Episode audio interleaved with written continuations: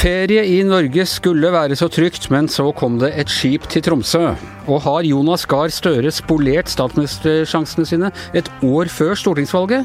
Giæver og gjengen er tilbake etter sommerferien, og dette er mandag den 3. august. Astrid og Hanne, godt å se dere. I like måte, Anders. Veldig fint. Har dere hatt en fin ferie?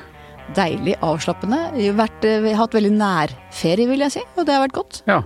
Eh, det har jo vært veldig fokus på dette med at eh, ja, det skulle være så trygt med ferie i Norge. Vi husker vår gode kollega Hans Petter Sjøli var litt muggen fordi han ikke skulle komme seg til Hellas og sånn her før, eh, før, ferien, hvor det tross alt ikke var så mye, eh, mye smitte. Og så har vi sittet pent og pyntelig her hjemme og sånn, og det viser seg altså at det var ikke så trygt som man skulle tro. Selveste Hurtigruta juvelen i den sunne norske sommeren er, var infisert av eh, koronastre. Ja, tenk det, Anders. Det er mange sånne Instagram-moments som er ruinert nå. Tenk alt det der fine du skulle legge ut av midnattssola på Instagram, og så er det blitt et sånn koronakrus. Eller det er egentlig to koronakrus. Begge er gått ut fra Tromsø. Begge gikk til Svalbard, og begge har eh, smitta passasjerer, og besetning da særlig. Hvordan er dette mulig, med, altså, med alt det der høye fokuset på smittevern som vi nå har hatt, og den kontrollen vi hadde fått over det hele, og vi var verdens beste land omtrent. og, og uh, hvordan, hvordan, er det mulig at uh, smitten har fått spre seg? På et cruiseskip, som er liksom det vi visste var de største koronafellene i, i verden. Ikke sant, ikke sant. Nei, det eh, spør vi oss vel om. Jeg tror egentlig det som har skjedd, er at Hurtigruten har Eh, basert seg på billig utenlandsk arbeidskraft, i dette tilfellet Filippinene. Eh, mesteparten av besetninga eh, på 150 det er fra Filippinene, som har eksplosiv smitte i disse dager. Og så har de ifølge Hurtigruten fått hatt karantene på selve skipet mens de har jobba. Jeg vet ikke om det kan kalles karantene engang, men det den har bestått i, har altså vært at de ikke har fått gått i land. da. Ellers har de jobba, omgåttes passasjerer De har fått lov til å spre det bare liksom på skipet, så lenge de ikke spreder det til lands. Ja, og det leie i alt det her er jo at um, begge skipa sine passasjerer har fått gått i land i Tromsø igjen, dratt tilbake til sine hjemkommuner i Norge, møtt familie, venner, eh, og risikerer altså å ha smitte andre. Det er 69 kommuner ifølge Folkehelseinstituttet som er berørt av eh, utbruddet på disse to skipa. og Foreløpig så er jo 40 40-41 eh, påvist smitta, men det kan jo bli langt flere. Vi får håpe at det blir, eh, det blir med det, altså. Men eh, nå er jo alle krefter i gang med å smittespore, ringe slekt og venner, få folk i karantene. Det tok jo altfor lang tid før han fikk beskjed, da. Det var ikke så veldig mye mer som skulle til for å utløse den første bølgen av disse her alpeturistene som, som, kom hjem i, i februar-mars. Var ikke det omtrent samme størrelsesordene? Ja, Vi vet jo ikke helt hvor mange det var, for vi testa jo så lite den gangen tidlig i mars. Uh, har ikke noe testkapasitet eh, klar. Og, og, men, men, altså sånn som uh, Australia, da, som het nytt utbrudd i Melbourne nå, de satte jo i gang strenge tiltak i juni igjen i sommer, når uh, andre bølge begynte å komme i Melbourne. Og da hadde de ja, 20-30 nye påviste smitte smitta hver dag. og Norge har nå få smitta, men de har òg hatt dager med over 30 påviste smitta. Eh, så eh, i verste tilfelle så kan jo det her sette i gang eh, en ny bølge, hvis vi ikke får kontroll på det. Det er jo òg andre bølger i Norge samtidig. ikke sant? I Moss så er det jo folk som sitter i karantene etter at de har vært på Hurtigruta nå, men det er jo òg folk som sitter i karantene pga. bryllupsfester og sosiale sammenkomster, og det er utbrudd i Sveio, Haugesund eh, Ja, vi har eh, St. Olavs hospital i Trondheim har fått en eh, tidligere, for par, en uke siden en ansatt som var smitta igjen. Så det begynner å bli litt mer oppgang her og der, altså i Norge. Det er litt bekymringsfullt. Hanna, er det mulig nå å dra i gang, politisk sett, å dra i gang samme type tiltak som vi gjorde i mars? Jeg er ganske sikker på at det ikke blir nedstengte skoler en gang til. Eh, men at det kan komme andre tiltak, og at man stenger ned ganske mye, det er absolutt eh, mulig. Jeg kjenner jo at den, gjennom denne uka denne helgen har kommet et nytt alvor inn igjen. At vi har gjennom sommeren kanskje lulla oss litt inn i at nå veldig lave smittetall i Norge, folk har reist rundt på ferie innenlands og hatt det bra. Ja, for det har ikke sett ut som jeg har vært litt rundt i Norge jeg også, det har ikke sett ut som et land rammet av en epidemi, liksom? På ingen måte. Jeg tror vi har følt oss ganske trygge og tatt de vanlige forholdsreglene med håndvask og avstand og disse tingene, men at vi har kjent at nå er vi kanskje om ikke gjennom det verste, så er vi i hvert fall ikke så utsatt som vi følte i mars. Men nå tror jeg det kommer et nytt alvor krypende inn igjen. Eh, hva tror du, eh, Astrid, blir det, blir det sånn full nedstenging på en ting er skolene, men på, på alle de andre feltene? Hvis vi skal se på Australia, da, som eh, er et land som du kan sammenligne med Norge, i hvert fall delstaten Victoria, som er like mange innbyggere som Norge, og som nå har full krise. Altså, De har portforbud innført i helga og hatt lockdown i tre uker. Og et land som gjorde alt rett, har nærmest ingen smitta i mai-juni. Og nå er andre bølge kommet i Melbourne Victoria som er uh, verre enn første bølge. Både når det gjelder antall smitta og dødsfall, tror jeg, etter hvert. Uh, og der får folk altså ikke lov til å gå ut, og de har innført uh, munnbind. Så på visse områder kan jeg se for meg at Norge òg blir strengere. Kanskje vi f.eks. innfører munnbind. Um, ja. Munnbind, Hanna, hva tror du? Jeg vil i hvert fall ikke se bort fra at vi gjennom høsten vil komme til å bli pålagt å bruke munnbind på type trikk, buss, kollektivtransport, kanskje butikker, altså i sånne lukkede rom. Det var det første vi fikk beskjed om da nyheten om det koronaviruset begynte å komme her i, januar, at munnbind var ikke noe vits i, men det er liksom blitt uh, frelsen. Jo, men det er jo også noe med at man har visste så veldig lite da det kom at det har vært så sprikende faglige grunnlag også for ulike tiltak. sånn at jeg, tror ikke, jeg syns ikke det er så rart at man har fått ulike beskjeder. For at fagfolka har jo også gitt åpent uttrykk for at de er i tvil om hva som har vært riktig til enhver tid. Og så Rent psykologisk så er munnbind en bedre påminnelse om alvoret, er det ikke det? Jo, jeg, hver gang jeg ser noen med munnbind, det er jo ikke så ofte, men da skvetter jeg alltid litt og tenker oi, nå er vi i trøbbel.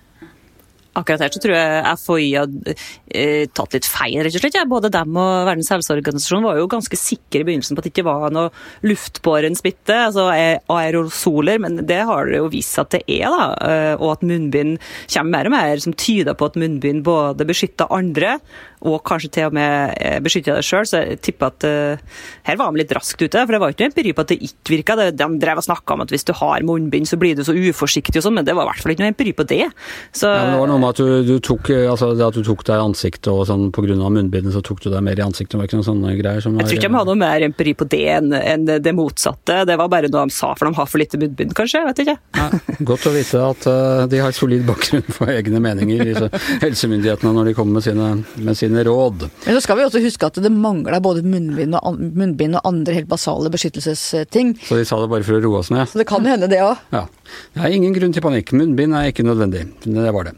Ok, eh, en annen litt vanskelig sånn når vi skal starte igjen etter en sånn sommer. Hvor begynner vi, liksom? For det er, mange ting. Og denne saken må sies er, noen dager gammel, men, men, eh, vi må snakke om det likevel. Altså Jonas Gahr Støre ble eh, intervjua på Dagsrevyen i forrige uke.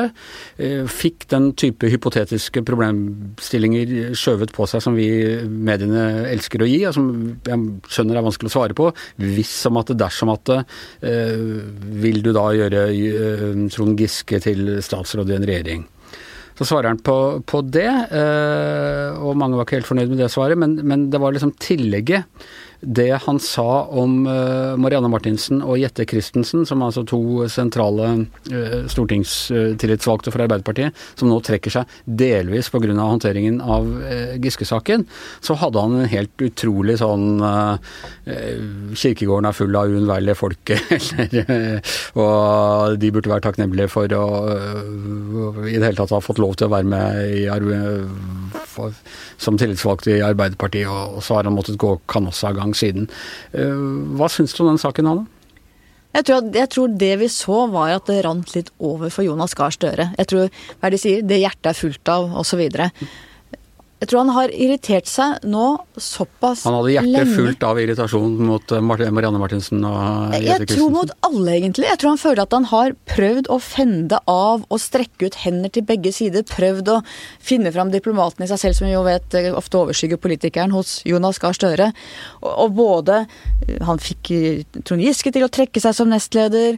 Han har prøvd på alle måter å imøtekomme kvinnene. Han har også prøvd å forholde seg til Trond Giske på en mest mulig perfekt måte. Og så tar det aldri slutt. Og det tar ikke slutt, og han blir pressa fra alle områder. Så tror jeg bare at han tenker at nå får det F være nok. Nå må vi sette punktum. Nå må alle parter, begge fløyer, sette partiet først. Og da tror jeg bare det rant over. For jeg tror vi så den genuine irritasjonen som har levd i Jonas Gahr Støre lenge. Men var det smart sagt, eller Nei. var det sånn at vi kan Eller ikke smart, selvfølgelig, men er det sånn at dette får vi sette på kontoen for at han var litt sliten? Det er jo en, det er jo en på en måte krigserklæring mer eller mindre mot en stor fløy i partiet, da. Og det så vi jo på reaksjonene. Det ble jo en massiv protestbølge blant særlig kvinner i Arbeiderpartiet. Og han burde selvfølgelig ikke ha sagt det. Og jeg tror at den som er mest forbanna på Jonas Gahr Støre etter dette, tror jeg er Jonas Gahr Støre. Jeg tror han angrer fryktelig. Men jeg tror det bare rant over. Hvilke politiske konsekvenser får det for han? Er det bare sånn én i en serie sånn det var ikke så heldig sagt, eller har det svekket han eh, reelt i, eh, i eget parti? Jeg tror det bare er én av eh, mange forhold som har svekket han. Jeg tror det mest av alt illustrerer hvor svakt han står i partiet.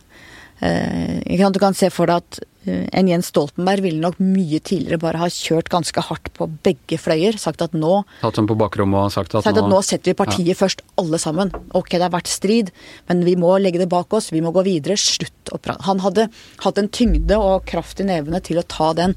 Mens det har ikke Jonas Gahr Støre klart. Han har ikke klart å skape ro. Og det er jo det som skjedde i sommer med dette intervjuet i Dagsrevyen, bare et, på en, måte, en illustrasjon på. Men nå var det jo ikke, altså det hadde jo kunnet ta Trond Giske og, øh, og Christensen og Martinsen på, på bakrommet. For det er jo ikke de som har protestert, det er jo partiorganisasjonen som, øh, som reagerer da på sosiale medier og, øh, og overalt. Og det er vanskeligere å ta dem på bakrommet og piske dem med partipisken.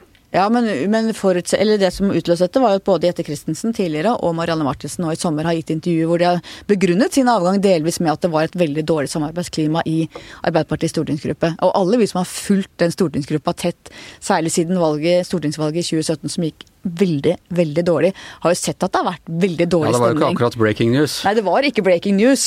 Men jeg tror at det at de gikk ut og sa det så tydelig, tror jeg at irriterte han og tenkte at nå må vi være ferdig med det. Men jeg forstår godt de to òg, for de har jo virkelig gitt mange, mange år av livet sitt til Arbeiderpartiet. De har gjort en kjempebra jobb. Marianne Martinsen eh, hadde antagelig blitt finansminister hvis hun hadde fortsatt. Hun kan fortsatt bli det, men altså ble hun jo skvisa ut da som finanspolitisk talsmann av nettopp Trond Giske, så øh, Ja, men der er jo også bakteppet nettopp til personlig motsetning. For at vanligvis så er det jo ikke unaturlig at nestlederen er den som får velge hvilken komité vedkommende skal sitte i, men her var det så mye som var kverna sammen i en ganske vond suppe. Ja. Eh, La oss si at eh, Arbeiderpartiet likevel vinner eh, eh, eller vinner valget, men altså kommer i regjeringsposisjon eh, til neste år. Tror du Trond Giske blir statsråd? Det kan godt hende. Det er klart Hvis han nå som det kan, eh, i hvert fall ikke kan utelukke at han kan bli leder i det store Trøndelag eh, Arbeiderparti, et av de største fylkeslagene i Arbeiderpartiet Det er ikke så lett for Jonas Gahr Støre som partileder å, overse helt Nei, han kan ikke bare være halvveis med. Ja, du, du kan få være altså, stortingsrepresentant, men ikke statsråd og sånn. Enten er du med, eller så er du ute, liksom. Ja, men så er det heller ikke sånn at en fylkesleder selv fra store eh, fylkeslag har rett til å bli statsråd. Men, men jeg tror ikke det er en Jonas Gahr Støre må forholde seg til Trond Giske på den ene eller andre måten. Særlig hvis han blir fylkesleder i Trøndelag, som er et stort og mektig lag i Arbeiderpartiet. Og når finner vi ut om han blir det? Ja, det er nå snart i løpet av en måned eller to, så er det fylkesårsmøte i eh, Trøndelag Arbeiderparti. Ja. Bra, da har vi noe å snakke om eh, her på Giæver og gjengen i eh, tiden som kommer òg, selv om det ikke er valghøst i, i høst. Eh, Men jeg tror vi er eh, over for i dag. I hjemmestudio i jeg holdt på å si på Nordmøre, men nå er det Trøndelag det heter, Astrid? Ja. sitter Astrid Mæland. Eh, Anders Giæver og Hanne Skartvedt er tilbake i studio her i Akersgata. Ja. Første gang siden mars at vi har sittet sammen her. ja, det er det. Det var veldig hyggelig, Ja, Anders. ja, det er veldig, det er nesten som gamle dager. Nå kommer jo den nye bølgen og feirer oss tilbake på hjemmekontorene, kanskje. Og så er selvfølgelig Magne Antonsen tilbake bak spakene som vår produsent, og vi høres igjen i morgen.